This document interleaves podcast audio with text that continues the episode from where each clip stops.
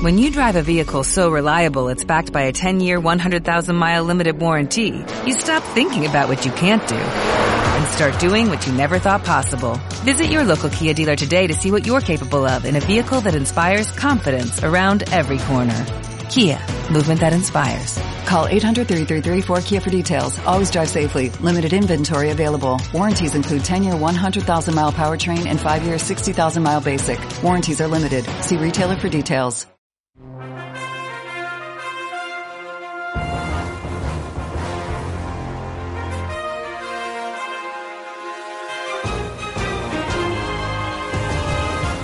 En Radio Campus Cultura e Informe Galicia con Gonzalo Louzao.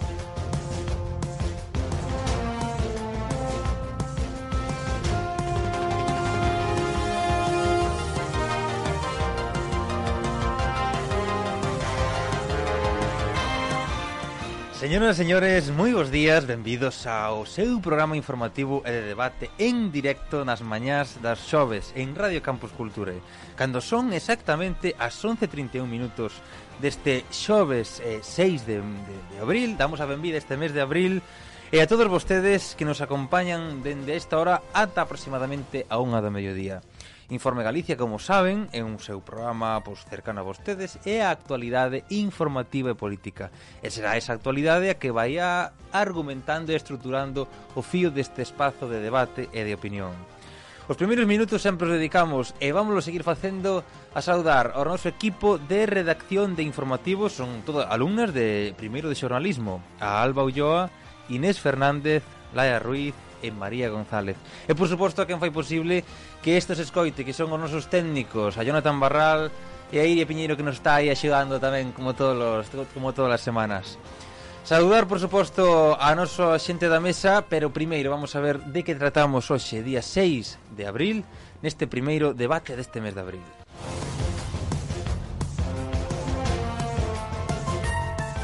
Falaremos sobre os presupostos xerais do Estado.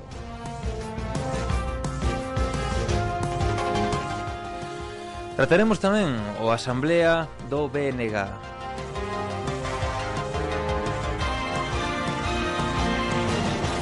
Falaremos tamén sobre a dimisión de Pedro Antonio Sánchez.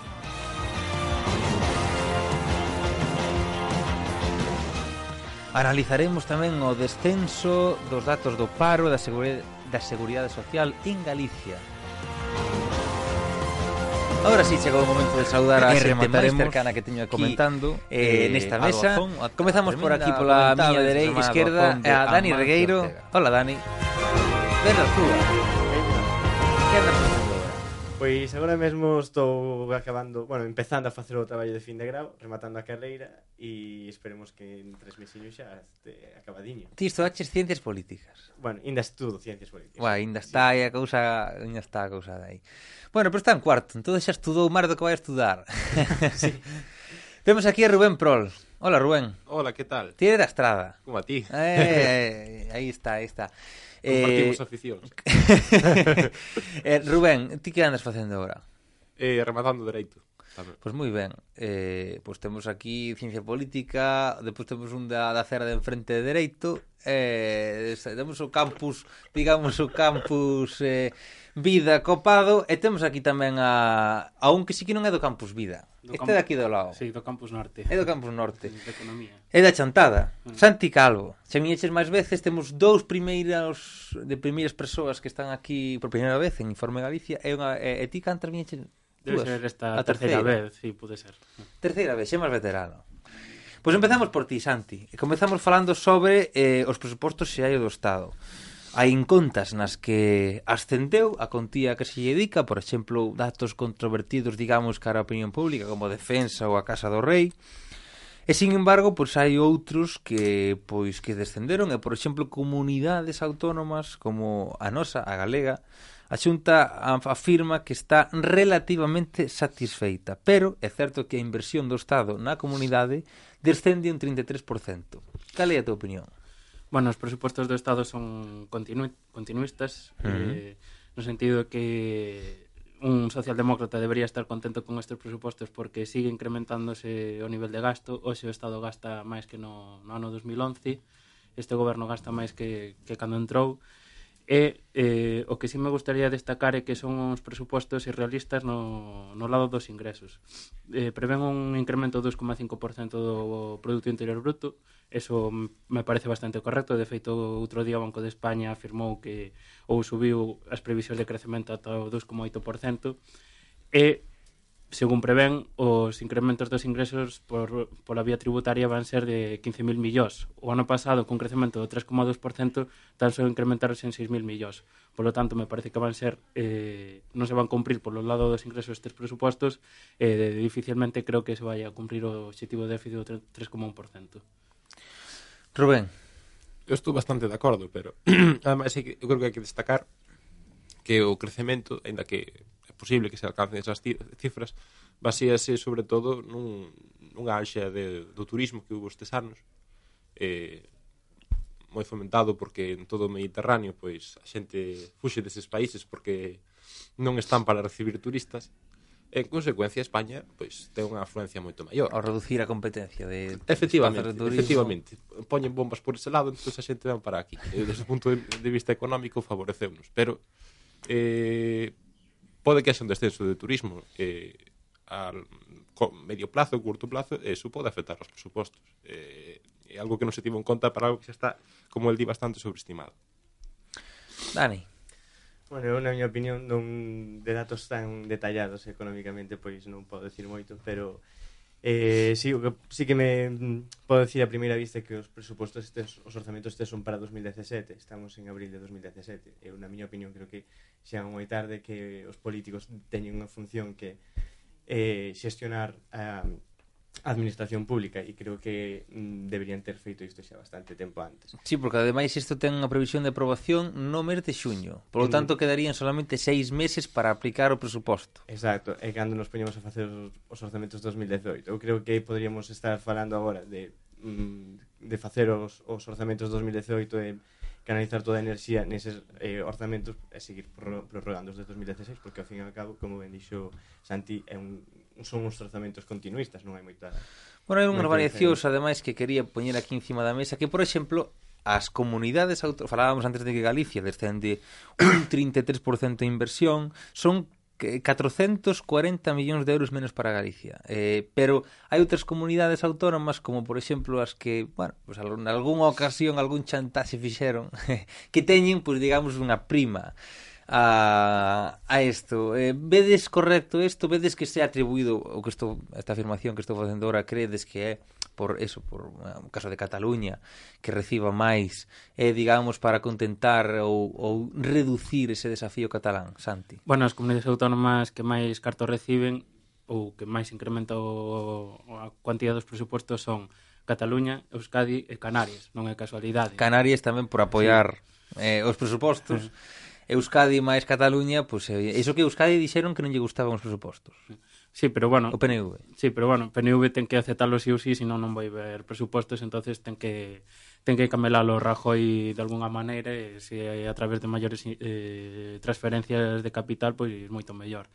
Sí, o que, o que decía que en todas as comunidades autónomas descende os descende a cuantía de, das inversións segundo o presupuestado no 2016. Con respecto ao executado no 2016, incrementas en todas as comunidades autónomas, que é o dato que está tomando o goberno para decir que non están reducindo as inversións, pero sí que está, se están reducindo, salvo en Canarias, que me parece que incrementa, incrementas en 8 millóns os presupostos, eh, no resto das comunidades autónomas está, está descendendo. Claro, eu digo que hai que tomar as cuantías homoxéneas, ti si valoras o, execu o executado co executado a mí parece me ben, pero se si tomas o executado co, co, co cas previsións, pois son, son cuantías heteroxéneas, digámoslo así. entonces pois non sei ata que punto se van a executar este ano, porque tamén, como apuntaba Dani, eh, estamos no mes de no mes de abril, hasta claro. xuño non se van a aprobar e dificilmente se, va, se van a gastar todos os cartos presupostados Rubén, para que van quedar eses cartos que non se van a gastar? eu, si facemos unha oferta, un chamamento, hai aquí 4 persoas, 5, 6, 6, porque además é bastante carto, entonces podemos, eh, podemos repartir entre os 6 que nos toca bastante ou que quede sin executar. Creo que seguramente vai quedar para eses ingresos que non se van a recaudar, é o máis probable. bueno, eh, como ves isto, entón? Este, este digamos, este... Mm, eh, son orzamentos similares aos do 2016, pero, sin embargo, eh, pois con criterios pouco eh, sensatos a hora de reparto ou pouco sensatos, digamos, a hora de pensar isto é necesario, isto non, senón simplemente isto aquí hai un apoio, teño que buscar este apoio, polo tanto teño que ou reducir esta posición, polo tanto teño que premiar isto. A ver, o nacionalismo periférico xendía tanto de Euskadi como de Cataluña, en xeral todos, incluso o regionalismo canario, ven sendo mm, trae máis cartos para aquí, é eh, simplemente casi puramente económico. O catalán, bueno, distanciouse un pouco porque empezaron a aventura esa do, do da exaltación patriótica que máis ben é unha estrategia política, pero bueno, sí. Eso xa, que non sei, mm. que pasa que fixeron unha bola educativa tamén que levou a unha conciencia social completamente errada no tempo, que decir, eh, casi rozo fascismo en algunhas das expresións que utiliza Esquerra Republicana, é, é algo tremendo. Pero o PNV sigue onde estivo sempre, que é, en base ás súas reivindicacións nacionais, exixir máis cartos polo seu apoio parlamentario no, nos presupostos, que é a estrategia continuista que sempre lles funcionou porque lles permite, en, en porque lles permite manter igual. a súa base de voto. Uh -huh. Está, bueno, é, non é razonable, pero é efectiva. Sí, sí, sí, sí que é certo. En detrimento de comunidades máis deprimidas tradicionalmente, como pode ser Extremadura ou o caso de Galicia.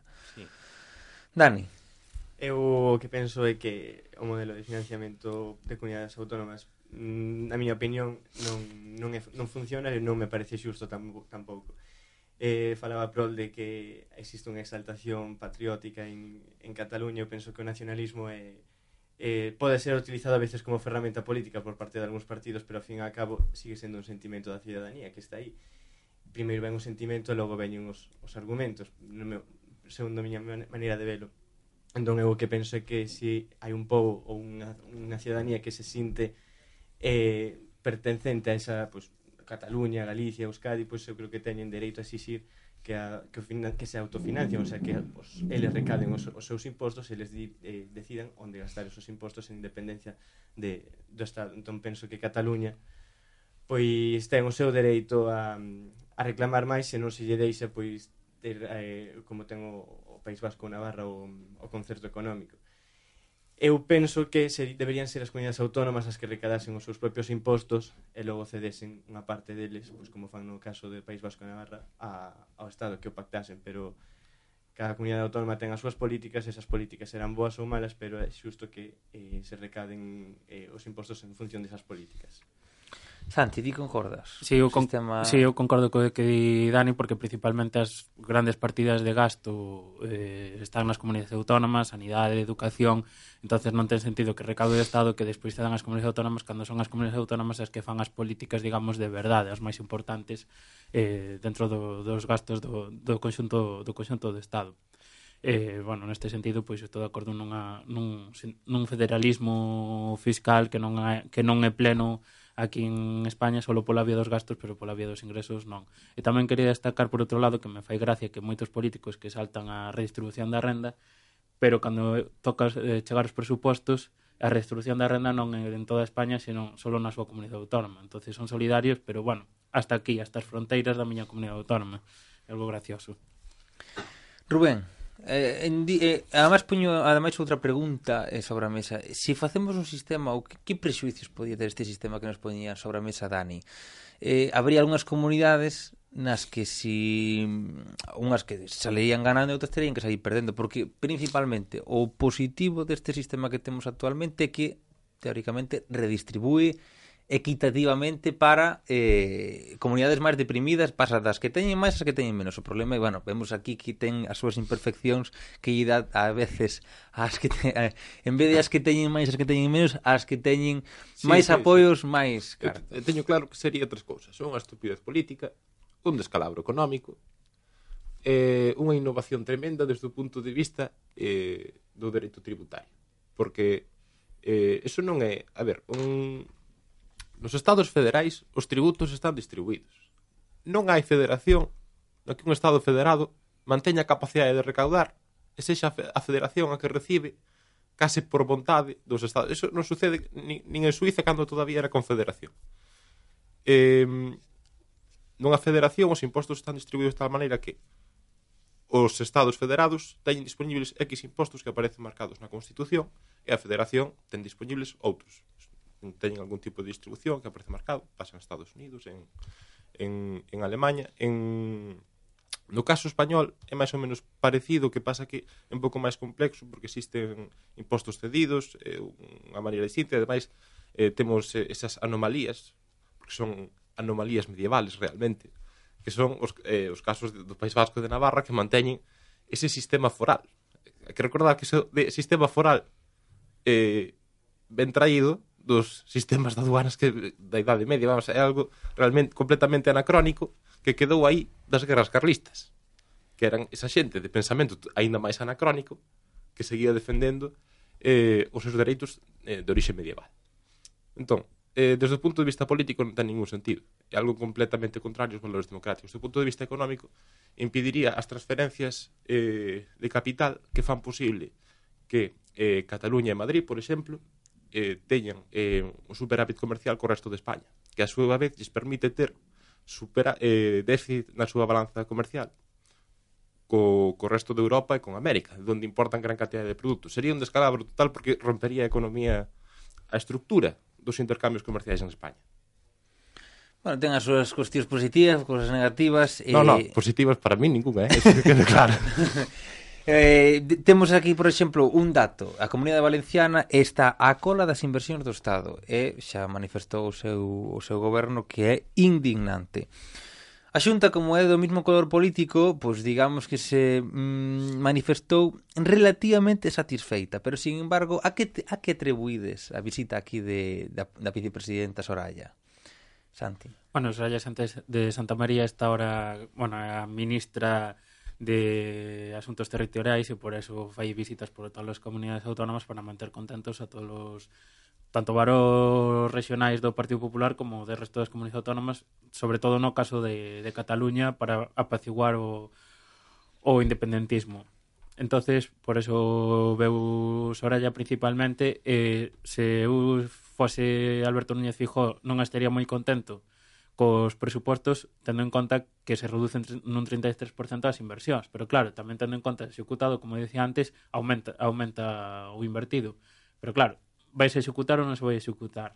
Eso, esa é a cuestión e creo que a valoración final deberíase facer a final de ano a ver no que nivel de executación de execución foi finalmente nos presupostos deste ano. Dani, ti que atribuís esta visita de Soraya para, digamos, apaciguar calquer resquicio que se podía Causar eu, aquí no BP de Galicia. Eu creo que Soraya é unha peza fundamental neste goberno. O sea, sen Soraya este goberno non sería o que é, porque creo que eh, Rajoy recurre moito a ela para que Soraya teña controlado, non controlados, pero saiba de que pau vai ir cada, cada actor político, non cada presidente eh, das comunidades autónomas, eh, os sindicatos, eh, Soraya tenos a todos controlados, sabe que recursos teñen, por onde van a ir, que o que queren, entonces eso despois leva a que o goberno pois poida executar as políticas dunha maneira ou doutra sabendo en función de, o sea, sabendo cal pode ser a posible resposta dos outros actores políticos. Eu creo que ese é o cometido de Soraya, de saber por onde van ir os tiros dos outro, dos outros axentes e por eso ten que estar aquí para saber que, que vai opinar Feijo e, e negociar, porque ao fin e ao cabo política é eso, negociar. O globo son da Soraya en Rubén. Bueno, é certo que O goberno en xeral está moi acostumado a mandar así os globiños sonda. Eu creo que foi unha sondaxe moi efectiva, por exemplo, que fixeron co Castiva, que tamén foi dese estilo, unha votación pre, eh, previa dos presupostos, a ver a que tira cada un. Entón pode que, que Soraya xogue algo similar. É certo que está tendo un papel así parecido ao de mediador entre entre as comunidades autónomas e Ten un o perfil goberno adecuado para, para sí, esa función. Sí, pero eh, o, onde tiña un, o reto principal, porque ao fin e ao cabo Galicia, pois, con razón sí. sempre se levou ben, eh, desde o punto de vista interno do Partido Popular. claro. eh, pero Cataluña foi un desastre. A política de, de eh, non sei, unha especie de conciliación que intentou levar ali foi un completo fracaso desde o meu punto de vista porque ademais é unha cousa completamente incoherente desde o aillamento total de eso no existe a unha, uns intentos de negociación que estaba claro xa porque que non iban a ser aceptados. Eu creo que é un, unha estrategia completamente inútil. Eh, creo que chegou un momento que o independentismo catalán combates xa, non, non, non se media eso combates é como como cando os aliados entraron na, en Alemanha a que procederon? a desnazificación non a, a negociación cos, é o mismo, é exactamente igual. Unha última frase, ademais, sacando ese tema que é interesante, e xa pasamos ao seguinte, ao seguinte dos, dos bloques. Como se combatería o nacionalismo catalán? Rubén propón que se combate. Como combates eso? Pois pues eso combátese eh, facendo unhas cousas moi sencillas. Con tanques? non, por dios, eh, non fai falta. Eh, eh, contra que? Senón, isto non é unha, unha batalla militar, é unha batalla eh, de identidades que se, que se perdeu porque non se presentou o combate Eh, eu creo que porque eh, a pesar de que sempre utilizan ese mantra de que o nacionalismo español, está, o nacionalismo español son, son, son catro gatos que están en España 2000 e que rompen catros que parates en Madrid cada dous anos. Eso é o que queda do nacionalismo español porque do resto xa non queda prácticamente nada.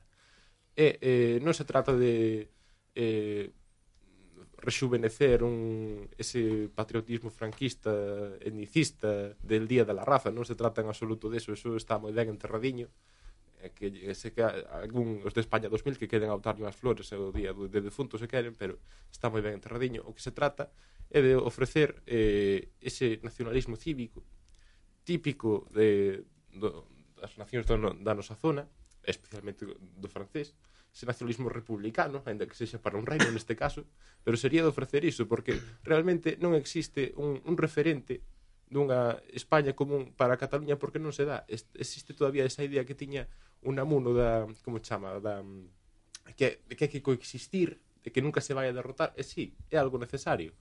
É, ne é necesario co eh, combater esas ideas etnicistas e identitarias e que no fondo proveñen dun fondo xenófobo e racista. Pois pues moi interesante. Eh, Santi, ti concordas con bueno, Rubén? Sí, combatir o nacionalismo eh, é complicado, eh, máis que nada o independentismo catalán, porque xa chegou un punto que parece que non hai marcha atrás, eh, polo tanto é complicado. A única maneira eu creo que eh, facendo un federalismo fiscal de verdade, recalco outra vez o, o mesmo, tam, eh, tanto pola vía dos gastos como pola vía dos ingresos, o federalismo, para manter contento a todas as comunidades autónomas porque xa vemos que todas as comunidades autónomas están descontentas co presuposto porque non manexan elas os cartos. E despois, por outro lado, apelando aos, aos argumentos e eh, a razón en vez de a, as emocións eh, que están vacías de, do contido, que eso parece que non, non chega a xente. Eh, se queres que Cataluña se manteña en España, hai que dar argumentos de peso para dicir que Cataluña é mellor que está en España que, que, que non. Dani. Eu discrepo totalmente con todos aquí. Primeiro, de combater o independentismo de Cataluña, non me gusta a palabra combater, sobre todo se estamos falando dun contexto democrático. Creo que na democracia hai intereses de diferentes índoles e creo que o mellor que se pode facer en democracia é acomodar os intereses de todo. Combater, ao fin e ao cabo, supón que uns intereses prevalecen sobre os outros, entón eu creo que hai que escoitar o que hai nas dúas partes. Por unha parte, o goberno central, que é o que quere, por outra parte, que é o que quere eh, o goberno catalán. Se o goberno catalán plantea un referéndum, pois ao fin e ao cabo creo que a democracia é a solución a todo, porque por facer un referéndum non ten por que ser vinculante, como se fixo no Brexit, que ao principio non era vinculante, pero logo logo sí que foi, non? Pero non se ten por que plantear un, un referéndum nese, neses termos de, de vinculante. Sí que se pode preguntar á cidadanía. Se a cidadanía mayoritariamente di que non está a favor dunha independencia de Cataluña, tema zanjado, e xa está, e non se pode falar... Eh, olvidámonos de seguir falando deste tema si, si entón a maioría di que sí a un posible referendo, pois pues entonces é que hai unha maioría social en Cataluña que, que ten un interés diferente e hai que escoitalos. Porque en democracia o que, o que, hai, o que hai que facer o que dicía antes, acomodar os intereses dun, de todos, non impoñer uns as ideas dos outros. Logo falaba Santi de que hai que apelar á razón e non ás emocións. Eu creo que o nacionalismo, ao fin e ao cabo, é sentimentos. O sea, eu non decidín en ningún momento da miña vida ser homosexual, nin tampouco decidín en ningún momento da miña vida ser nacionalista galego. É algo que se sinte. Podería ser de outra maneira? Sí, pero non por moitas razóns que me veñan e moitos argumentos que me traías eu aquí, aquí eu vou seguir sentindo o mesmo. Eu que o nacionalismo pasa, pasa o mesmo. Poderá ser mellor ou peor para unha Cataluña independente? Sí, poderá, pero se os catalán, se os se a maioría da ciudadanía de Cataluña se sinte solamente catalana e prefire eh, abandonar o Estado español, pois eu creo que hai que escoitalos e mediar, non combater. Cambiamos de bloque, se vos parece. Que estamos eh, eh, foi moi un debate moi moi variado e ademais diversificámoslo. Isto sería algo que se alargaríase moito. Efectivamente.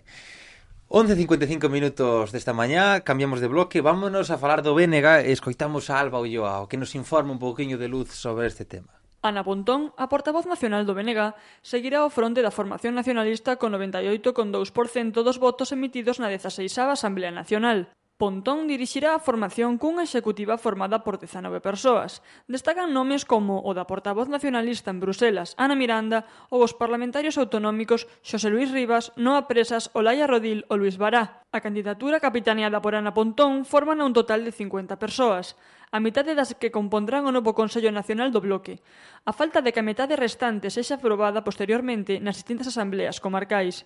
No plenario do BNG, celebrado no Palexco da Coruña, tamén aprobáronse os documentos coas teses políticas, así como os estatutos apoiados pola militancia. Estos textos incorporaron máis de 150 das 296 emendas presentadas. No relatorio político, o BNG deixa clara a súa vontade de ser a forza unitaria do nacionalismo galego para un movimento sociopolítico aberto e capaz de integrar.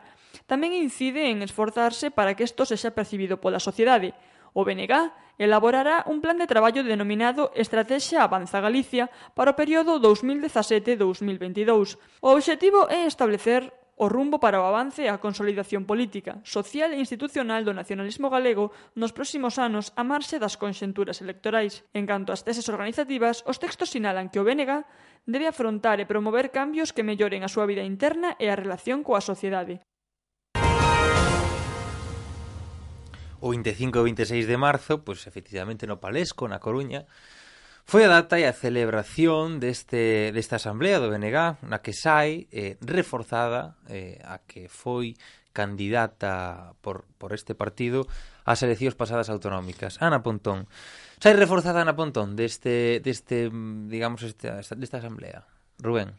Eu creo que sí, que eh, no BNG vieron que fixo un bo traballo en eleccións, pero reforzada mm, eu non diría nun sentido de poder porque ao fin e ao cabo no BNG sempre existe ese fondo. Sí, chamado UPG sí, sí. bueno, UPG pero UPG tamén hai, hai jerarquía no UPG Entonces, está, eso é como, como o RUS o RUS que, que é o fondo da Bechamel pois pues isto é igual funciona do mesmo modo. Eh, ademais hai que ter en conta que eu creo que se está levando a cabo unha operación máis ou menos velada de torpede, de torpedeamento en, en Marea eh, apoiada polos medios de comunicación porque ao fin e ao cabo o Partido Popular favorecelle que Marea perda apoio e, eh, bueno, o divide e timpera de toda a vida.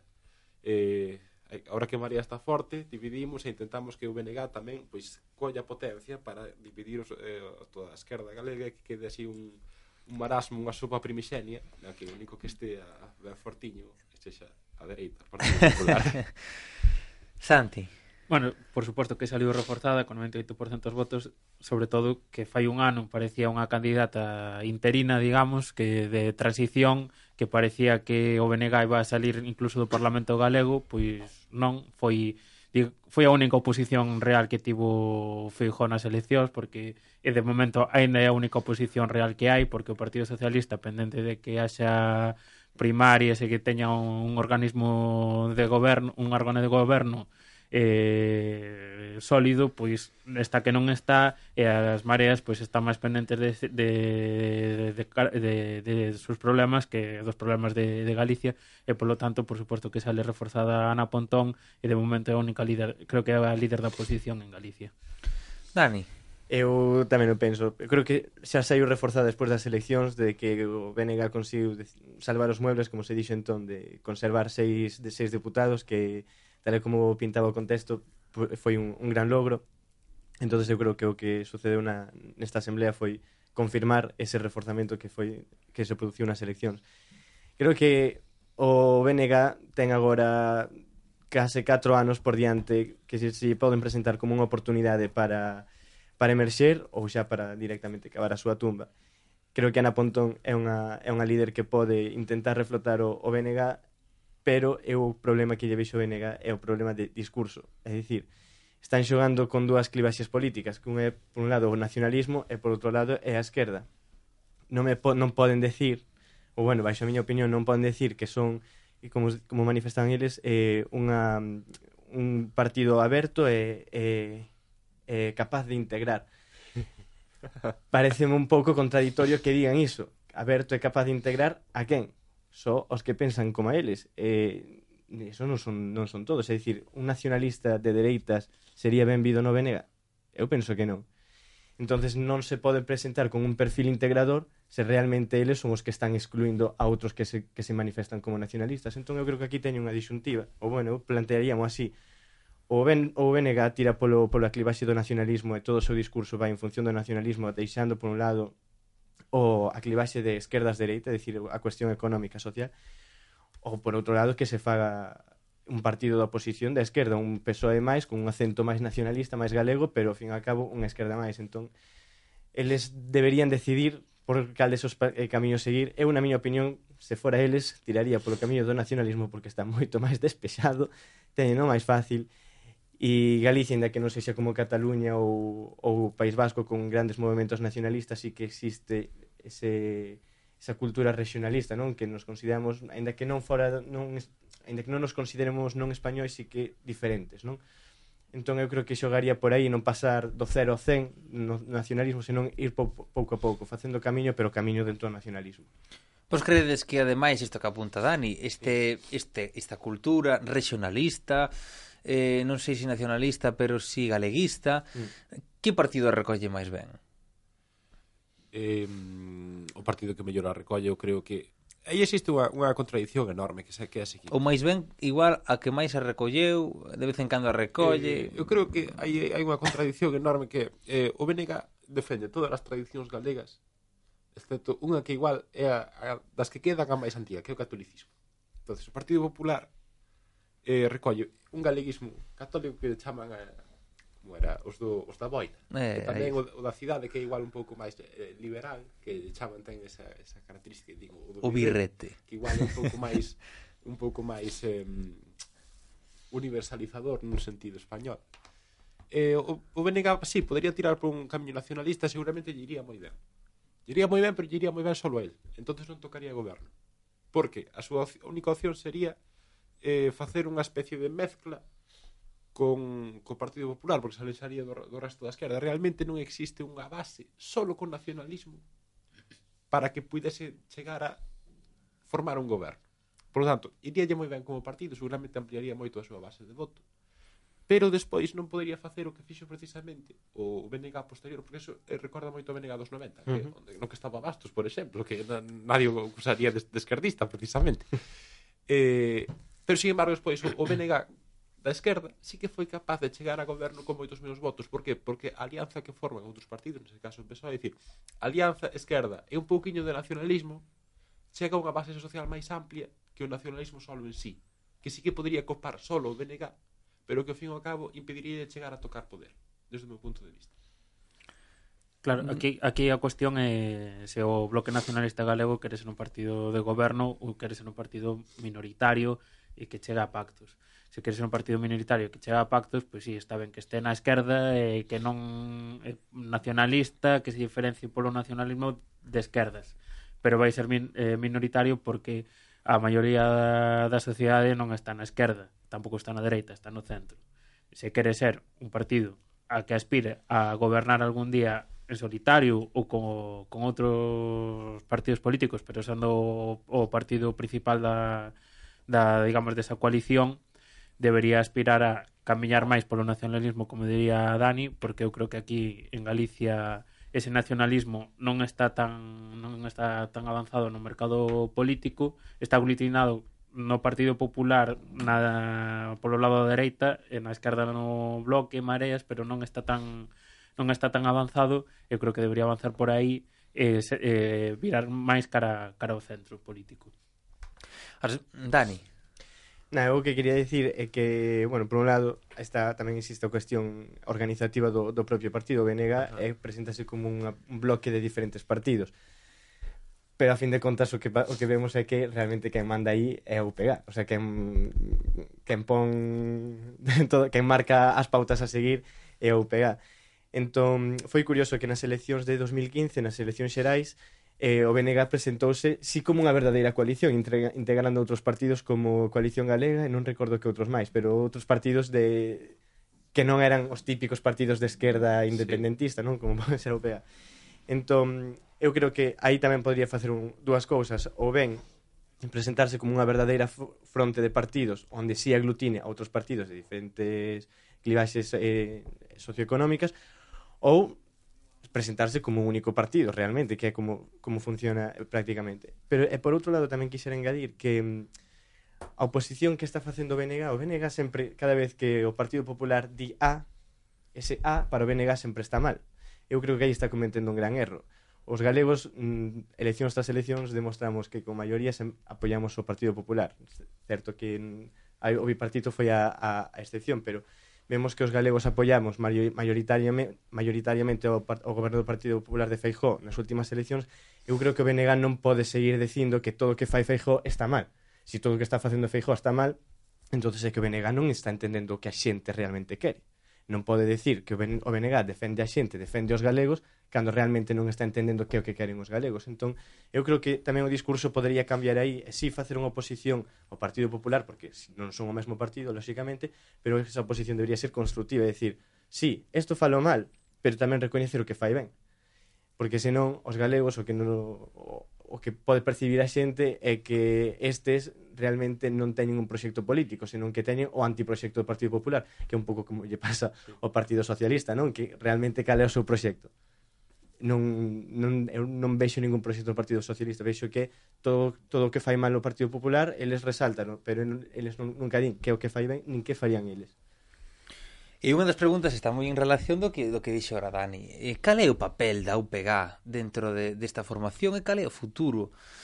eh, ou que vedes que bueno, analizamos un poquinho a traxectoria da UPG dentro do BNG eh, todos coincidides en que é unha lousa, un peso que non o deixa adaptarse, non o deixa facer unha posición constructiva. Cal, cal, cal credes que vai a ser o futuro do, deste o papel futuro desta formación? Rubén. A ver, ao fin e ao cabo eh, o, a UPG non, non, eu creo que non xa un papel simplemente Aupega é o que queda do BNG despois de que a Fronte Popular, a xente de Beiras, se fose para María. entonces o BNG ahora mismo é Aupega. Outra cousa é que sexan os seus votantes. Porque hubo moita xente que votou o BNG que realmente seguramente non simpatice ca, cas súas posicións. Que ocorre? Que, eh, efectivamente, hai que tener en conta que eso de esquerda, centro, eh, dereita non son posicións eh, discretas. Hai, hai un amplio recorrido eh, non fai falta que se posicione exactamente no centro, pero desde logo desde o comunismo que cun caire decimonónico que parece que todavía se reivindican as terras dos, dos labregos, pare, parece mau falando aos campesinos. Eh, claro, desde ese punto de vista aí non vai non vai non vai a traer a ninguén. Entonces, eh, polo menos vai ter que xerar un, creo que un pouquiño hacia unha da esquerda máis máis progresista e menos comunista se quere catar unha base maior de voto. Por lado do nacionalismo, mm, ese son correntes que varían moito, pero desde logo creo que falar de independentismo hoxendía na sociedade galega non ten ningún sentido. Mm, no. Desde o punto de vista electoral, polo menos. Sí. Eh, Para non mí xa non, ten, xa non ten ningún que vas pescar nun río que non hai peixe. No. É o que falaba antes, pasar de 0 a 100 de, sí. de non nacionalismo ao independentismo hai moitas escalas. Non se pode promover o independentismo en Galicia o sea, apelando ao independentismo nunha campaña electoral sabendo que aí non tes nicho de voto, o telo, pero moi moi reducido, non? Eh, outra cousa da que quería falar era que eh, ah, por exemplo, no eh, non me acordo ben o ano, creo que foi 2015, o na manifestación pola, no Día da Patria, 25 de xullo, creo que foi de 2015, foi a única manifestación unitaria que se fixo.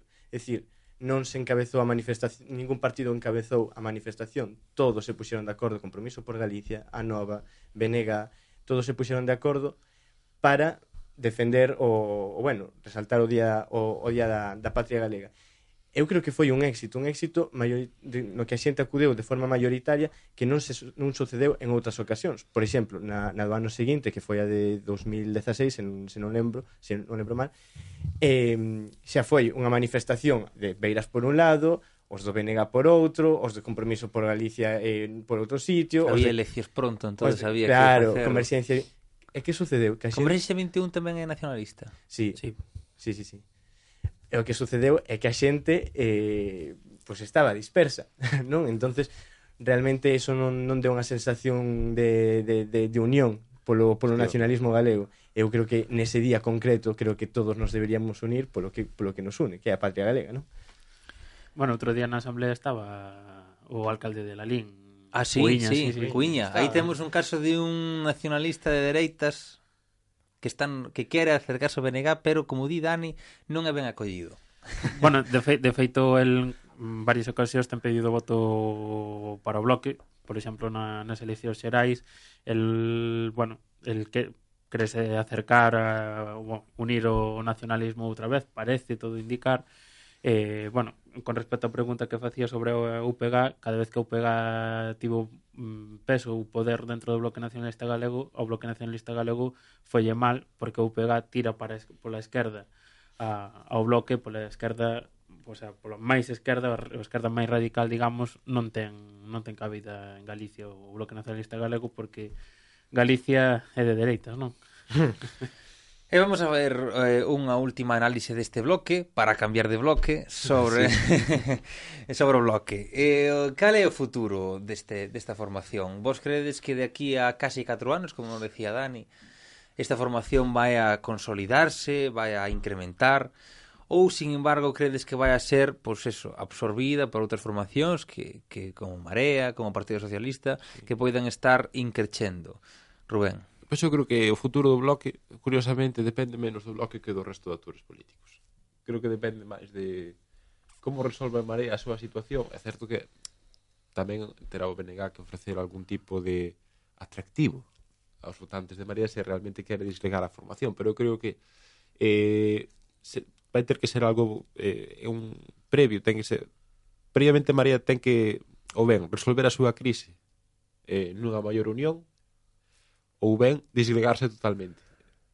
Porque está aí nun momento de tensión que iso vai se ter que resolver e será algo que moi decisivo para o futuro do Benegal. Tamén ese aspecto de se tirará máis hacia a dereita ou se formará ese, unha vez máis ese eixo que había así no quintanismo de nacionalismo de esquerda que poida igual que o Partido Socialista volver a chegar ao goberno. Non o sei. Entón, haberá que ver como se resolve en xeral todas as forzas de esquerda para ver en que posición de flotación quedou Venega. Marea, falando de Marea, está nunha posición bastante delicada, xa afrontou as eleccións galegas. Eh, non da mellor forma para afrontar unhas eleccións autonómicas ou unhas eleccións para que o partido estaba creado. E agora pois evidentemente pois están en, en, en proceso. Pero si sí, efectivamente eh, bueno, de, supostamente sí que dependerá do, do, do que teñan frente Santi, ti concordas? Bueno, creo que o Bloque Nacionalista Galego non vai desaparecer porque como o PSOE e o PP teñen unha base moi importante eh, territorial, entonces por eso non vai desaparecer, efectivamente depende máis da estrategia do, estrategia do Bloque que do resto dos partidos. Se queres un partido aglutinador, creo que efectivamente debe incidir no galeguismo e non na esquerda, eh, creo que non vai non vai perder máis do que xa perdeu, porque eu creo que xa chegou a súa, ao seu mínimo e por aí pode crecer ou pode manterse. É o que pode pasar co Bloque Nacionalista Galego. Dani, o seu teito ou máis ben o seu suelo, seis. Eu creo que... Seis escanos. Eu creo, non vou predecir nin que lle vai a ir ben nin que lle vai a ir mal, eu solamente digo que estes eh, tres anos e, e medio que lle quedan son unha oportunidade. Unha oportunidade que teñen un bo escenario para, para, seguir, que, para seguir crecendo, non para empezar a crecer. Porque, por un lado, en Marea está aí que non se sabe moi ben tampouco que vai pasar. A situación do PSOE cada vez é peor. O sea, o PSDG está chegando a ser Abel Caballero prácticamente como regente do PSDG, non porque Leiceaga pois non se así que algún se exalta por aquí se pone nervioso Pero vamos, digamos que tanto PSDG como en María son uns actores que están poniendo un papel fácil, a, facendo un papel fácil a, ao BNG, que si sí se parece que nesta legislatura vai estar máis forte que os outros dous.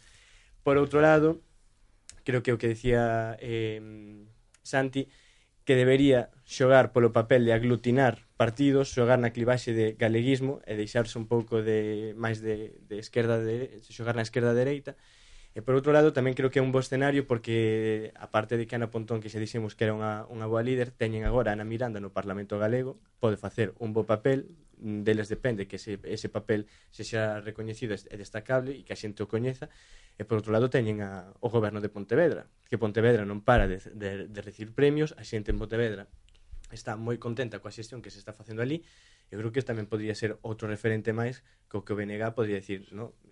podemos gobernar porque facemos as cousas ben.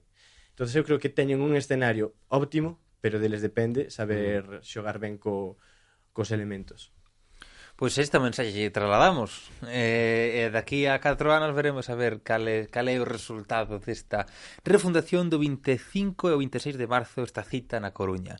Pasamos de bloque e falamos sobre a dimisión de Pedro Antonio Sánchez, presidente, expresidente da Comunidade de Murcia.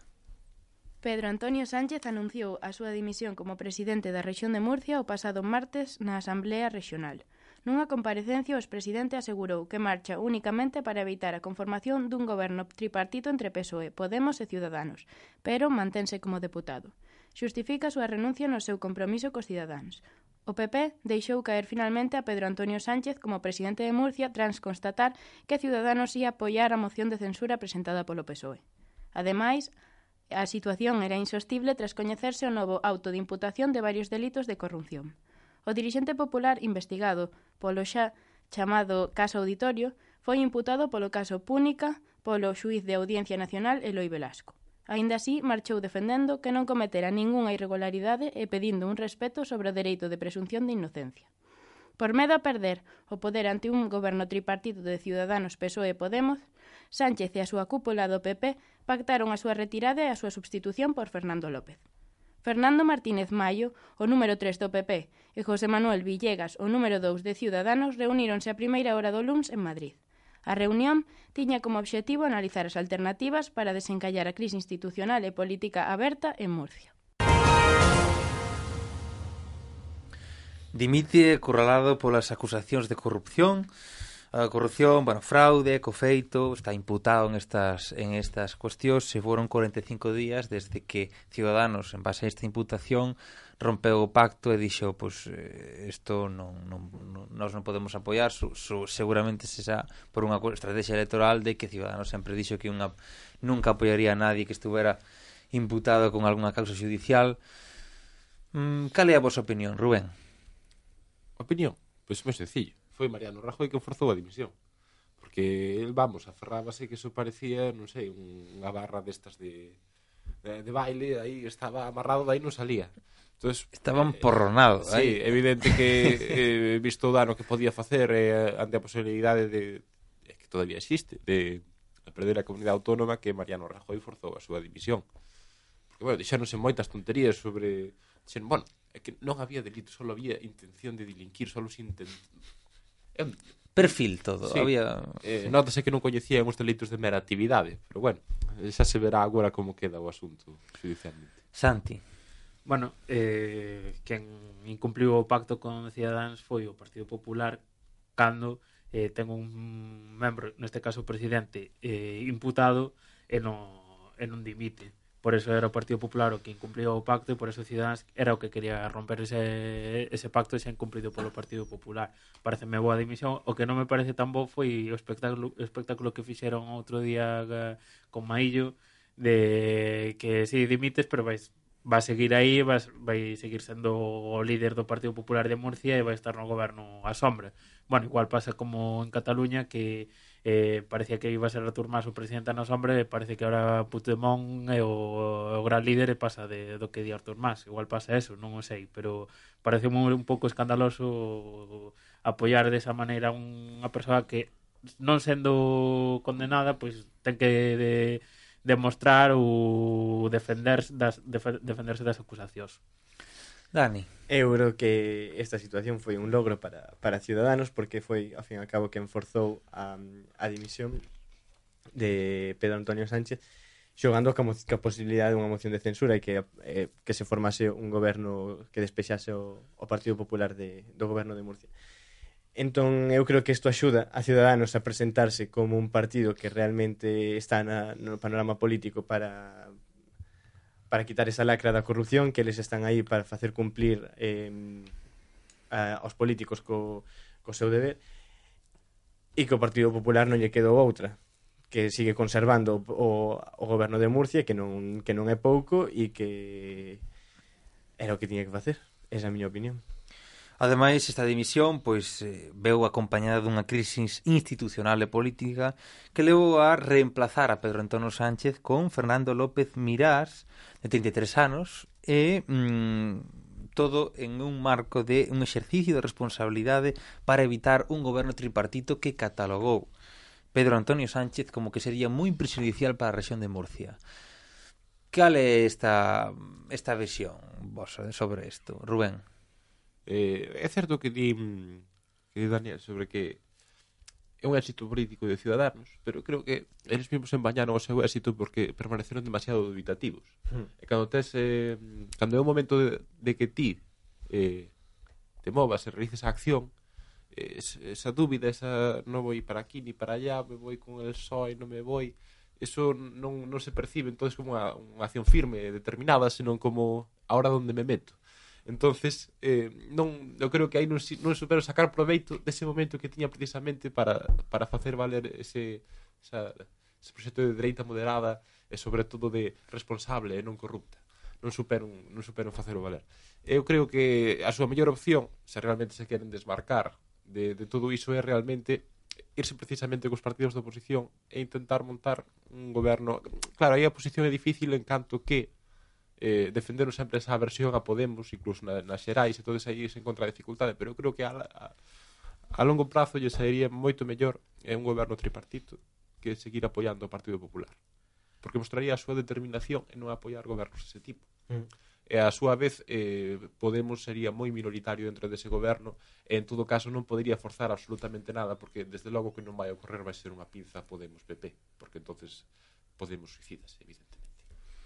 Bueno, o problema sí. de que Ciudadans eh, pacte co PSOE que Podemos é que Ciudadans no, no último congreso que tiveron posicionáronse claramente eh, no centro dereita, bueno, que o seu rival político era o Partido Popular, entonces se si te vas cara a outro cara a outro lado, cara cara a esquerda nun goberno en Murcia, pois pues estás dando dando a entender unha mensaxe contraria que que, que queres dar, non? Que queres que, que queres ofrecer.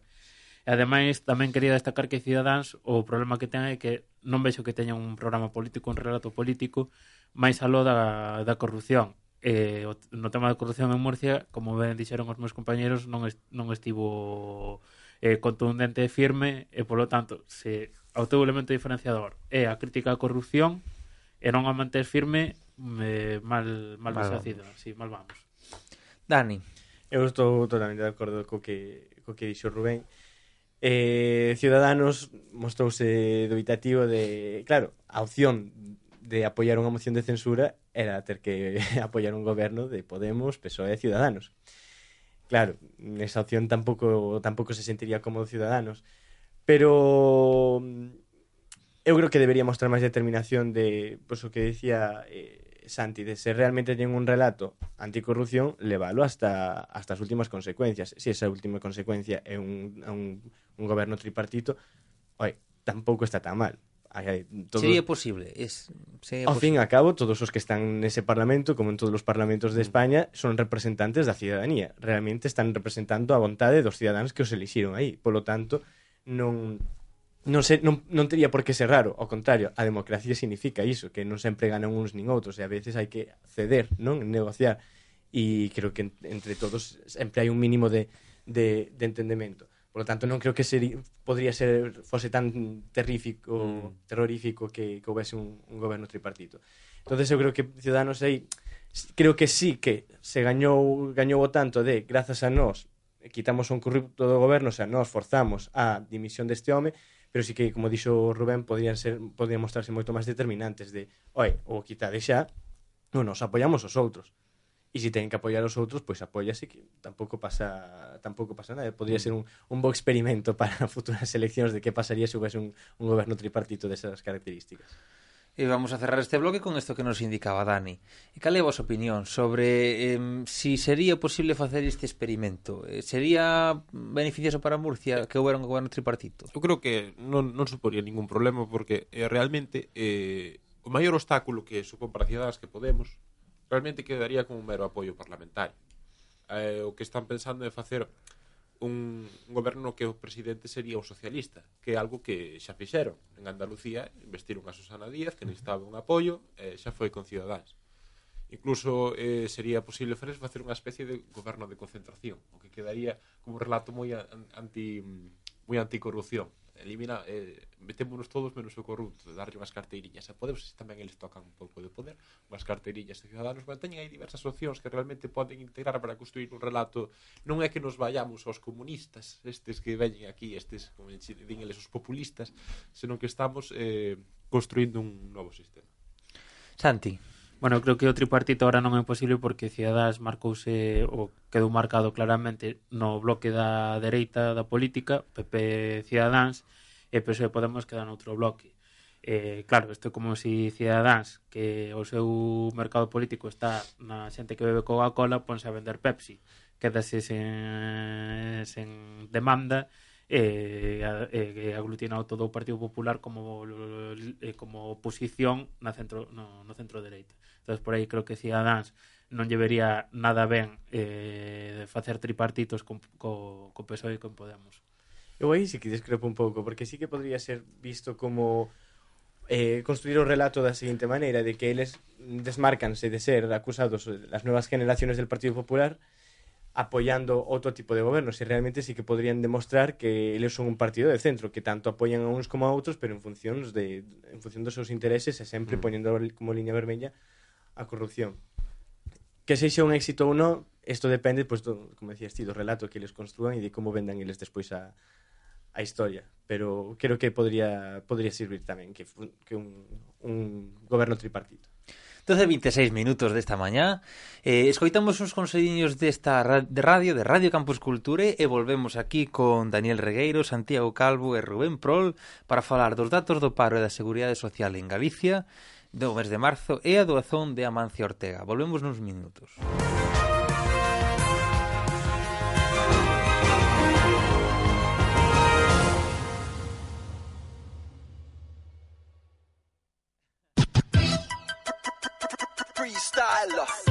Radio Campus Cultura. A Radio da Diversidade.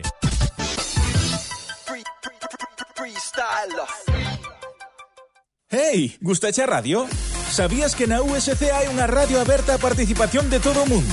Radio Campus Culturae, a radio da diversidade. Sí, sí, Radio Campus Culturae está aberta a participación de todos e todas. Colabora con Radio Campus Culturae e fai oír a túa voz. Ponte en contacto con nosco a través da nosa web www.radiocampusculturae.org o noso mail campusculturaeradio.gmail.com a través das contas de Facebook e Twitter de Radio Campus Culturae ou directamente preguntando por nós na Facultade de Ciencias da Comunicación da Universidade de Santiago de Compostela. Únete a Radio Campus Culturae. Colabora ca túa radio. Radio Campus Culturae, a radio da diversidade. A ver, que plan tes para un venres pola noite? Radio Campus Culture proponche un dos mellores. Estudio 54 As 9 da noite estará contigo Iria Piñeiro traéndoche os mellores artistas do panorama nacional e internacional. A mellor música de todos os tempos Témola aquí en Radio Campus Culture. Xa sabes, os venres ás 9 da noite entra no noso Estudio 54 Con Iria Piñeiro. Ser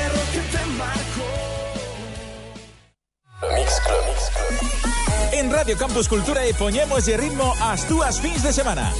Mix Club, todos os sábados dende as 10 da noite. Mix Club, unha cita semanal ca música electrónica, dende o dance o EDM até o tech house e minimal máis underground. Tú, lo único que yo tengo. Músicas en pausa para que non pares de bailar ningún segundo. Mesturada por este que che fala, Tony España, e tamén con DJs invitados. Mix Club, cada sábado a partir das 10 da noite en Radio Campus Culturae. Paixón pola música electrónica.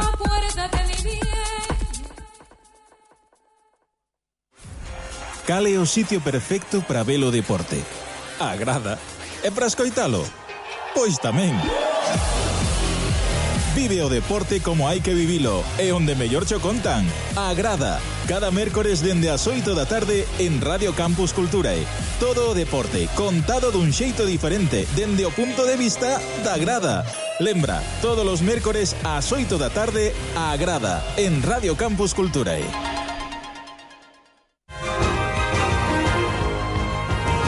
Informe Galicia. Gonzalo Louzao. Escoitamos a Laia Ruiz eh, para falarnos dos datos do paro e a seguridade social en Galicia. El desempleo en Galicia cae en todos los sectores y en las siete ciudades. El auge del empleo precario devuelve el nivel de paro a registros del 2010. La consolidación de una tendencia positiva en la evolución del mercado de trabajo muestra que la recuperación económica es una realidad. Galicia encadena ya 31 meses consecutivos de descenso interanual del paro, cuyo registro está ahora en niveles del año 2010. Las oficinas de empleo de la comunidad cerraron el pasado mes de mayo con 220.464 demandantes inscritos, lo que supone una caída del 3,37% en relación a abril y del 6,97% en relación al mismo mes del 2015. Constatada la recuperación económica y la mejoría del mercado de trabajo, el debate se centra ahora en los cimientos del nuevo edificio que se está construyendo tras la crisis, y ahí los datos no son nada alentadores. En un mes como mayo, en el que la comunidad gallega gana 5.824 afiliados en relación a abril, en Galicia se firmaron 76.567 contratos laborales, el 92% de ellos de carácter temporal. Esto significa que prolifera de forma excesiva el empleo por horas, días o semanas. Asimismo, la Seguridad Social pierde 6.218 afiliados en Galicia. Por provincias, las cuatro de la comunidad registraron pérdidas de media en el noveno mes del año, la mayor de todas ellas en Pontevedra, con una caída del 0,87%. En A Coruña bajaron los cotizantes en 1.842 personas, un 0,44%. En Lugo, en 1.398, un 1,15%. Y en Ourense, en 26, un 0,03%. Ademais de aproveitar a saludar a Laia, tamén saludamos a Alba, que foi a que locutou esta, esta noticia. Eh, bueno, paro en Galicia cae en 1.868 persoas, desempregados menos en marzo neste mes pasado, eh, caí, cae en todos os sectores e xa é unha tendencia que ven pois, eh, arrastrando dende o mes previo, dende o mes de febreiro. Vos credes que vai ser unha tendencia a permanencia ou é, digamos, un espellismo momentáneo, Santi? Bueno, penso que a baixado para vai continuar pola mellora da, da economía. É certo que en Galicia baixa en menor medida que en España, pero bueno, o paro afectou en menor en menor intensidade en Galicia que en España por eso ahora baixa menos pero se, se, seguimos tendo unha tasa media de paro de en torno ao 16% fronte ao 18,5% que hai no conxunto, no conxunto do Estado eh, o que sí que me gustaría destacar é que eh, a, a, a maioría dos contratos que se firman son temporais, o 92%, eso ven dado polo dualismo no mercado laboral no que temos un, un costoso eh, ou moi costoso moi custoso contratar a xente de forma indefinida por, es, por eso vámonos a, de cara ao os contratos temporais. entonces eu creo que hai que reducir esa dualidade ou eliminar esa dualidade no mercado laboral e tamén reducir os custos eh, de contratación para incentivar aínda máis a, a recuperación nos niveis de emprego. Rubén, esta mellora económica vela permanente, vela ocasional... Eu creo que este é un grave problema para a Seguridade Social, porque cada contrato novo que se produce eh, nesta situación de temporalidade eh, e con soldos moi moi baixos na realidade produce máis gastos que ingresos para a Seguridade Social. C casi é un cravo encima máis eh, porque realmente non non, non mellora o, a financiación. E hai que recordar que a Seguridade Social ten un grave problema de financiación hoxe en día.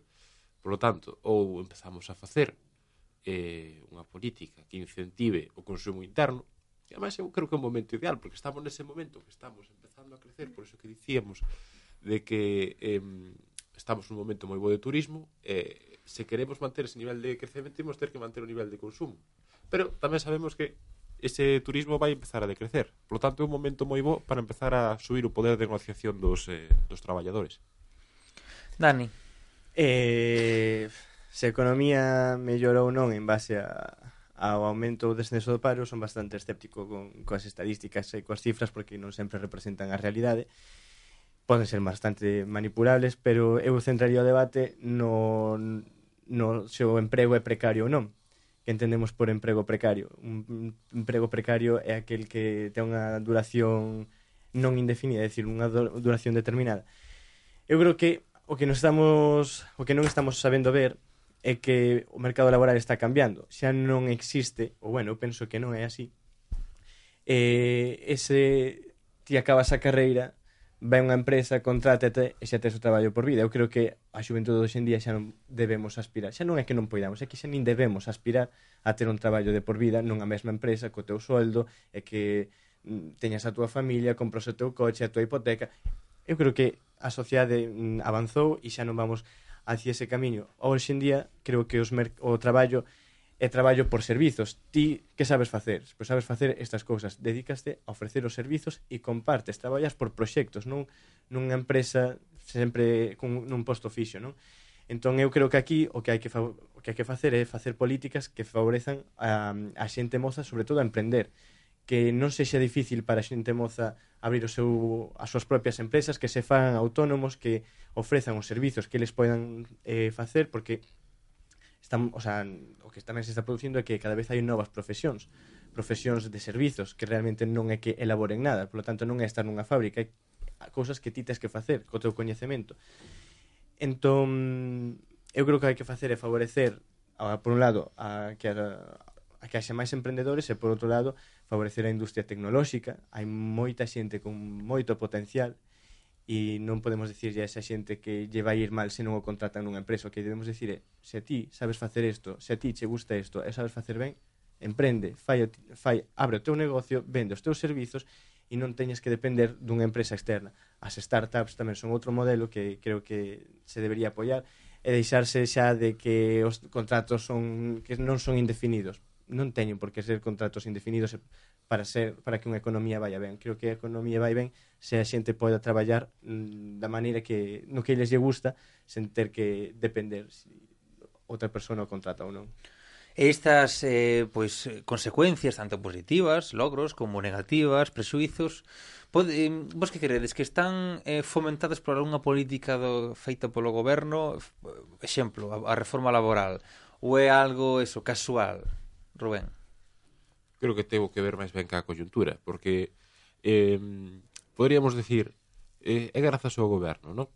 Bueno, pero entonces teríamos que empregar relacións de causalidade. O goberno fixo isto, e polo tanto, isto produciu estas melloras.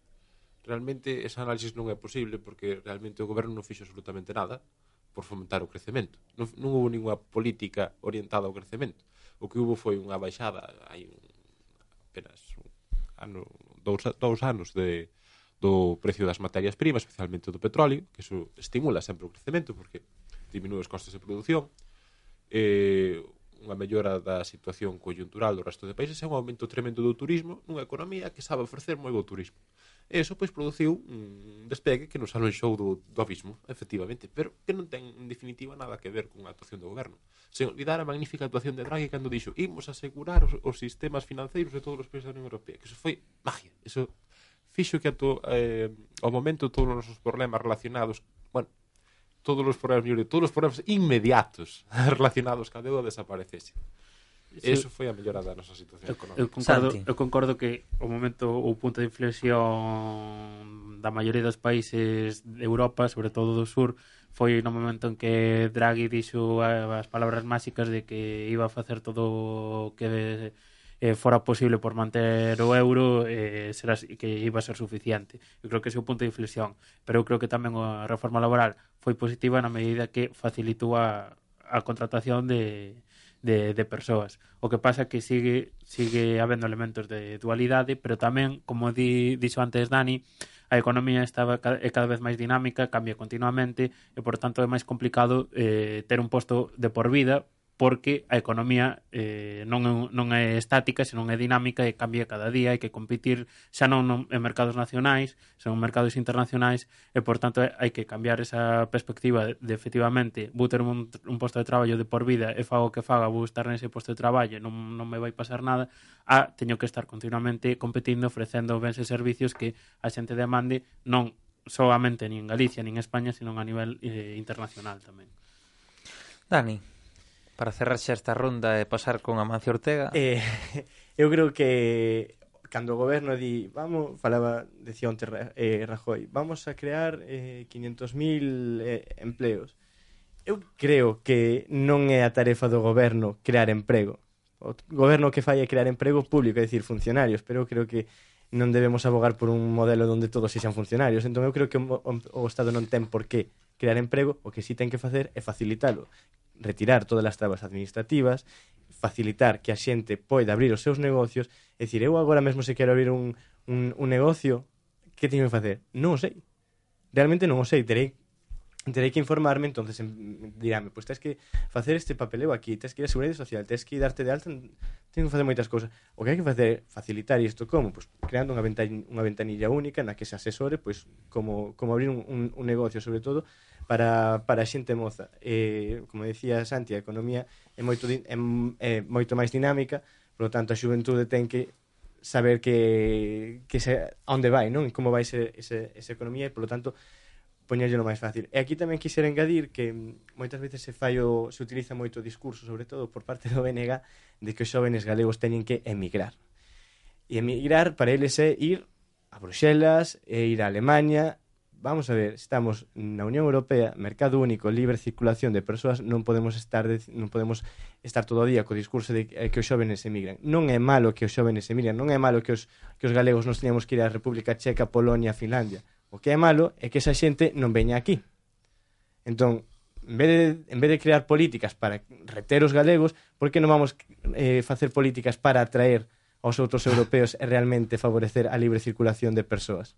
Rubén, tens algo que engadir? A ver, eh... Moi breve, porque xa vamos a cambiar. Moi breve, eh, simplemente, a ver, eh, intentar facer unha política para que Galicia atraia traballadores de toda Europa é sinxelamente ridículo porque o que atrae son os polos económicos fortes, os núcleos con grandes economías de escala, eh, pois da xente zona do Benelux, dos núcleos industriais alemáns que teñen realmente capacidade para atraer traballadores, Londres, etcétera eh, pensar que Galicia de repente pois van chegar aquí os, os checos e eh, os inmigrantes a patadas é eh, eh, sinceramente ridículo. Home, de repente non, pero todo ten o seu comezo. Bueno, eh, nin de repente, nin a medio prazo, nin... Bueno, se nos convertimos nunha rexión atractiva para a creación de riqueza, eh, tipo Irlanda, por exemplo, eu creo que sería sería posible o que di Dani, non é ninguna, non algo descabellado pensar que nos convertamos nunha rexión eh, que atraia traballadores e empresas do, de, do resto de Europa e do mundo. Pois sería posible, posible e positivo, porque ademais temos un galego que é Amancio Ortega que anda repartindo moito carto. Vamos a escoitar a María González a ver que nos conta. A Fundación Amancio Ortega doa 320 millóns de euros na loita contra o cancro. Dende a entidade acordouse con todas as comunidades autónomas de España a adquisición de equipos de última xeración para modernizar as unidades de detención e tratamentos radioterápicos nos hospitais públicos. En total serán máis de 290 equipos os adquiridos pola Fundación do Empresario Galego. Actualmente o programa estase levando a cabo tanto en Galicia como en Andalucía. En Galicia, a institución aportou 17 millóns de euros para a adquisición destes equipos, mentres que en Andalucía o orzamento foi de 40 millóns de euros. Estes novos equipos permitirán realizar diagnósticos máis precisos e proporcionar aos pacientes tratamentos máis eficaces, menos agresivos e de menor duración. A noticia provocou comentarios de todo tipo e dividiu Internet en posicións tanto a favor como en contra de Amancio Ortega. Personalidades tales como Laura Pérez, portavoz de Podemos no Parlamento de Navarra, criticaron esta doazón defendendo que queren menos filantropía barata e máis xustiza fiscal. Pois sí, foron 320 millóns de euros na compra para equipos oncolóxicos na Seguridade Social Pública. Este, este, bueno, este diñeiro vai a dar para cum, comprar 290 aparatos de última xeración para o diagnóstico e o tratamento do cancro. A priori parece algo moi positivo, pero hai voces críticas, como nos decía María, que, por exemplo, en Podemos, unha deputada dixo que menos filantropía barata. Cal é a vosa opinión en torno a este debate? Isto crea... É normal que se cree debate en torno a isto ou non? Ou todo o diñeiro que sexa para fins deste tipo tiña que ser ben visto? Rubén. Bueno, é que eu creo que se, isto sitúase nun momento no que existe un debate moi forte en cal cal é o sistema impositivo que, que debe reinar, cal debe ser o sistema de distributivo eh, da renda que debe existir non só en España, senón en todos os países occidentais. entonces existe un, unha situación de, de empé de guerra de, de moitos sectores. Eh, vese isto como un, como un avance de menos sistema impositivo eh, máis doazóns. entonces entón, eso é algo que a xente rexeita, porque, a ver, de feito, objetivo, eh, Apple, bueno, en xeral, todas as grandes empresas fan enxeñería fiscal e tratan de evadir o máximo posible de impostos, pero non todas as empresas dúan unha, uns cartos significativos á Seguridade Social. Bueno, é certo que as, que as empresas estadounidenses que fan no seu propio territorio. Non creo que sexa negativo como caso particular, tampouco creo que sexa criticable de Amancio Ortega en concreto, nin penso que se deba eh, facer unha crítica, sí, o que se pode considerar tamén unha especie de operación de mellora de imaxe, pero, bueno, tampouco, eso é unha situación relativa á microeconomía de, da Mancio Ortega da súa empresa. Tampouco me parece algo que sexa de profundo debate público. Eh, dona Cartos, moi ben. O que non se pode pensar é que eso vai ser un cambio eh, no noso modelo de financiación eh, dos sistemas públicos nin que se debe depender nin estar a esperar unha doación unha doazón para para chegar a, a un, a un investimento público. Eso, eso é o que non se pode cambiar ese modelo de un sistema impositivo a un modelo de vergetismo, eso non pode ser. Santi. Bueno, eu creo que se hai que valorar a, a o feito de, da doazón, a mí pareceme perfecto que eh, Amancio Ortega en vez de gastar os seus cartos en comprar coches ou mansións, pois que o adique a pagar, neste caso, 320 millóns de euros a, a sistema sanitario en España. Ademais, a súa fundación dende o ano 2001, que foi cando se constituiu, xa leva repartidos máis de 500 millóns de euros en doazóns. Ah, o sea, non é, non é algo anedótico, senón que leva xa máis de mil, casi, máis, casi mil millóns de, de euros repartidos en doazóns a, a sistema sanitario, e educativo, que son os principais eixos da, da, da actuación da súa fundación. Mm, canto ao debate de xusticia fiscal, etcétera, Bueno, eu quero comentar que aquí que eh, Inditex, por exemplo, paga moitísimos impostos, paga eh, nos, eh, nos últimos, me parece que cinco exercicios leva pagados unos 4.000 millóns de, de euros en impostos. Eso sí, é certo, non todos en España, pero porque opera en 93 mercados. É dicir, se si ti operas en, en mm. mercados internacionais, ti vas pagar os teus beneficios nos mercados que operes e por eso por eso dá unha cifra de 4.000 millóns, pero creo que está en torno aos 1.000 millóns en, en en España. Ainda así, é o, é o 2% a recaudación do imposto de sociedades e o que aporta Inditex, o sea, sí que paga, sí que paga impostos, e, e vou corrixir ao meu compañero que falaba de, de, de evadir impostos. O que fan as empresas... Elusión. Ilusión fiscal, que é algo legal, que é como se, si, por exemplo, eh, a hora de declarar de facer a declaración da renda, prefiro facela por separado ou en conxunto para pagar menos impostos nadie paga impostos eh, ou máis impostos do, dos que debe, sin, senón que paga os que, o que lle corresponde, o que fai Amancio Ortega e o que fai estas empresas. Tratan de pagar os menos impostos posibles porque é unha carga importante que reduce as inversións ou a, ou a posibilidade de contratar máis traballadores.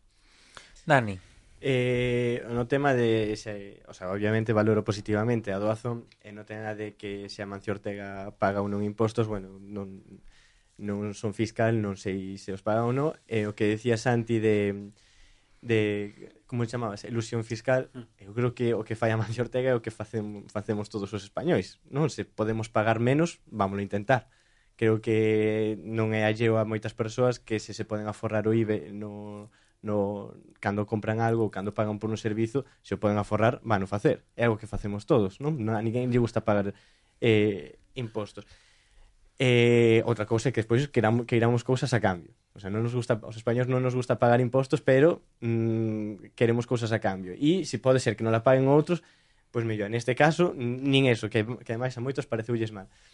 Eh, é certo que estes días nas redes sociais houve un gran debate de, sobre o tema da, da doazón. A mí parece un pouco curioso que as persoas que critican esta doazón sexan precisamente aquelas persoas de, que están ancoradas máis á cara esquerda, eh, eu quero recordar que Podemos, por exemplo, financiouse con, con campaña de crowdfunding, é dicir, a través de doazóns privadas. E a min iso non me parece mal. Pareceme estupendo que calquera persoa que queira doar os seus cartos a calquera causa, entidade, empresa, eh, partido, pareceme estupendo. Creo que hai a liberdade de cada un facer cos seus cartos o que queira. Si neste caso, ainda por riba, beneficias a todos os españois grazas a, a que se, se inxectan 320 millóns no, no, en, na sanidade española, pois pareceme ainda mellor. E, e tamén Pedro Sánchez está financiando a súa campaña con, con crowdfunding. E ninguén pon o berro no ceo por, por iso, non? entonces eu creo que... Por que, por que vamos a criticar a doazón deste señor simplemente porque sexa millonario? Home, por favor. Eh, que cada un faga o que queira co, cos seus cartos. E ademais credes que hai pois, igual pois, un pouco de cinismo en torno a, a esta materia, porque efectivamente pois por unha parte temos unha, alguna formación política ou bastante un sentimento bastante xeralizado de menos filantropía barata, como que como que lle sobra, por lo tanto que non apreciamos eh, o que vende esa vía. Eh, vedes incomprensibles estas críticas, vedes justificadas, Santi? Bueno, eu quería recordar aquí o caso de Juan Carlos Monedero que cobrou do Banco de, de Alba 400.000 euros a través de unha sociedade en vez de declararlo polo, polo IRPF e dixo que, bueno, polo menos eh, o que se aforrou fiscalmente foi para financiar a tuerca. bueno, eh, eh, creo que podíamos eh, facer unha similitude co caso de Amancio Ortega, pero Amancio Ortega en vez de dedicar eh, 320 eh, 320 millóns a un programa de televisión para difundir as súas ideas eh, destinou non a pagar o, a a, a, a sufragar gastos eh, sanitarios. Eh, Juan Carlos Monedero, 200.000 euros que se aforrou, en torno a 200.000 euros que se aforrou para sufragar a tuerca. Eso se o di todo, non? Eso é un exemplo gráfico. Rubén. Eh, a ver, hai que ter en conta que non é o mesmo eh, pensar se fago a declaración conxunta ou, ou por separado que os problemas que existen eh, a nivel internacional ca ilusión non pago de impostos porque non tanto os países continentais, que algún tamén, senón sobre todo os países anglosaxóns, teñen montado un auténtico chiringuito bueno, Suiza aparte, é o único país continental así dos importantes. As Illas Caimán, o estado de Delaware, eh, un montón máis. A maioría baixo soberanía británica ou estadounidense, pero que son como microestaditos, son como estaditos de broma, hechos aparte, que están realmente controlados por Estados Unidos e por Reino Unido, pero que son teóricamente estados independentes e que sirven realmente eh, están con único propósito eh, de eh, evitar que a xente que ten cartos pague impostos. Os famosos eh, eh as famosas direccións en Delaware ou nas Illas Caimáns que teñen decenas de miles de empresas matriculadas nun mismo imóvel que teñen a súa dirección ali. Eso non non é eh, o problema de bueno, fago a, a declaración da renta conxunta ou fago a declaración da renta individual para ver se pago un pouquiño menos. Non, ese é un problema de realmente de fraude, de, de fraude social, eh, moi grave, que efectivamente non, non se trata eh, bueno, moitos casos sí, pero non sempre se trata dun delito, senón dunha práctica legal, pero inspirada en, en ocos eh, legislativos e de problemas que surxiron con a globalización, co comercio internacional, e que deben de ser resoltos porque son un problema a estabilidade social. Dani. Bueno, eu non sei eh, donde tributa a Mancio Ortega, mm, non, o que dicía antes, non son fiscal, non sei onde tributa, non é a miña tarefa perseguilo tampouco, se alguén considera que se está que está cometendo fraude, que, que está evadindo impostos que si debería pagar, pois que yo contaquen a, a persoa a autoridade pertinente en, en investigalo. Eh, polo que decías ti, preguntabas de si creemos que existe eh, un, po un pouco de cinismo, eh, eu xa dixen antes, eh, simplemente criticar esta doazón porque Amancio Ortega sexa un home rico, cando outra, outros motivos, por exemplo, outras campañas como a de ou, ou outros, outros casos como de eh, Monedero, que os cartos cos que aforrou por, por pagar por non pagar todos os impostos que debería, que os derivou a destinou a tuerca, eso non é, non é tan grave. O sea, por que defendemos uns casos e outros non dependendo do, do patrimonio que teña cada persoa? Parece un pouco hipócrita. Eu mm. creo que, sigo dicindo, que cada un eh, é libre de facer cos seus cartos o, o que queira do ellos a quen, a quen os doe. Ademais, tendo en conta que cada ano en España se diagnostican máis de 200.000 novos casos de cancro. Por lo tanto, eh, como que ademais é un tema causa. sensible. Entón, to, aquí temos unanimidade prácticamente en torno a, a esta cuestión. Ademais, ainda por encima, Santi apuntaba ao caso de Monedero. Eh, por lo tanto, pois... Pues, eh, son cuestións que... Por que credes que está o fondo do debate? É unha razón política? Pois debe ser, porque eu creo que non existe ningún, ningún motivo para facer... Ou é, una... digamos, o ser humano así de envexoso? Que lle nos gustaría, pois... Non creo que sexa tanto unha cuestión de envexa. Ser como, como Amancio Ortega. Eh, eu creo que foi un as críticas estiveron mal plantexadas, porque eu creo que facer unha crítica moral é irrelevante. Unha crítica moral a Marcio Ortega pois, é irrelevante desde o punto de vista político. Eh, eu creo que o punto está aí, eh, un debate sobre o, sobre o sistema impositivo, que pode servir como punto de reflexión. Que decir, eu creo que salir de repente decir eh, que Amancio Ortega eh, é malísimo porque ben, e doa, isto é porque non paga os seus impostos. Pois podes facer eh, unha intervención no sentido contrario. Bueno, isto pode nos facer reflexionar sobre cal é a distribución de poder hoxendía na nosa sociedade eh, e de que dificultades temos para financiar os servizos públicos e fixadevos de repente o que unha persoa pode facer nun momento eh, sirve para exemplificar como en España o índice de Gini tense revertido dunha forma completamente absoluta desde o inicio da crise que os índices de desigualdade disparáronse. E, bueno, sirve para iniciar unha reflexión, pero creo que non sirve para iniciar unha crítica moral sobre Amancio Ortega realmente. Creo que estamos todos de acordo nese punto. Sí. Santi. Sí, bueno, eu penso que o, o problema é que hai unha parte da poboación en España que pensa que a economía é un xogo de suma cero e supoño que é por eso que ven as críticas a Mancio Ortega de que fixose rico a costa a costa de, de facernos pobres ao resto da poboación non é certo. É certo que hai hai ricos e empresas que se sirven do poder político, sobre todo empresas do IBEX 30, algunhas empresas do IBEX 35 para, para enriquecerse. Pero Amancio Ortega debemos pensar que eh, é unha persoa que empezou con 14 anos eh, sendo dependente dunha tienda, abriu a súa propia tienda de tenda de batas en A Coruña, e eh, fíxose a sí mismo eh, sin axudas eh, do poder político. Vamos, que o sepa, despois se algún sabe algo de como fixo a súa riqueza, eh, Amancio Ortega fixo a súa riqueza de servir a poboación a través de, de roupa de calidade a un precio barato. Eh, por tanto eh, se, se enriqueceu el pero tamén se enriqueceu, enriqueceu a poboación eh, creando moitos postos de traballo. Por lo tanto eu creo que a crítica debe, debe ir por un lado por esa creencia de que a economía é un xogo de suma cero por outro lado de que eh, temas da redistribu redistribución da renda, que os ricos non pagan o que deberían pagar, pero xa esta, xa esta outra cuestión de si temos un modelo fiscal que é moi perjudicial para esas grandes rendas, esas grandes rendas son as que se poden escapar eh, a, a poboación con menor, menores rendas, rendas do traballo que non se poden espa, eh, escapar son as que teñen que pagar finalmente a factura fiscal. Ese é outro debate que non creo que eh, merece a pena entrar no caso de Amancio Ortega.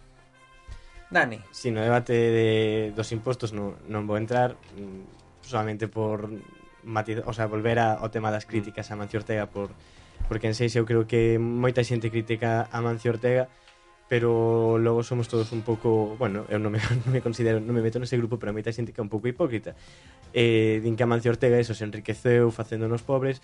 Home, eh, basta con ir á cidade da Coruña e vemos que en media Coruña vive grazas á industria textil. O sea, teño, teño amigas, teño amigos que, que traballan nese ah. mundo e creo que non se está empobrecendo, ao contrario. Grazas a él hai unha oportun, hai un, un, unha industria en, en Coruña que está que, que lle vai ben.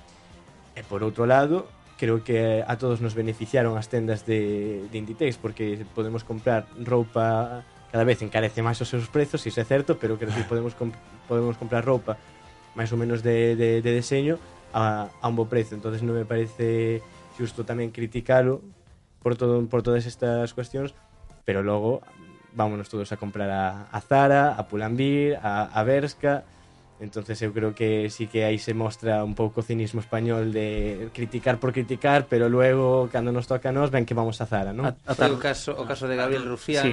cando na entrevista por exemplo, de Risto estaba criticando a Mancio Ortega de repente de que esa chaqueta de Zara. bueno, eh, chegamos ao final deste debate, pois vamos ser rápidos, os nosos primeiros eh, convidados, a primeira vez que veñen, Dani, en Rubén, que tal? Ben, pasou, pasou rápido e foi moi interesante do que se expuxo aquí. Santi, un placer que volveras. Sí, sempre encantado de vir aquí porque o trato é fenomenal, tanto dos técnicos como do presentador. Un placer que estedes os tres aquí, de verdade. Eh, foi un gusto compartir esta hora e media de debate con vos, cos que estades aquí cerca miña, eh, seguramente con ca xente que nos escoite cando desexe ou en directo que rematamos agora ou no podcast eh, de Radio Campus Culture. Para a semana que ven é Xove Santo, polo tanto descansamos, pero ameazamos eh, coa volta de Semana Santa estar aquí de novo. Así que, señoras e señores, coídense, e disfruten da semana de vacacións e vémonos aquí en Radio Campus Culture en Informe Galicia. Música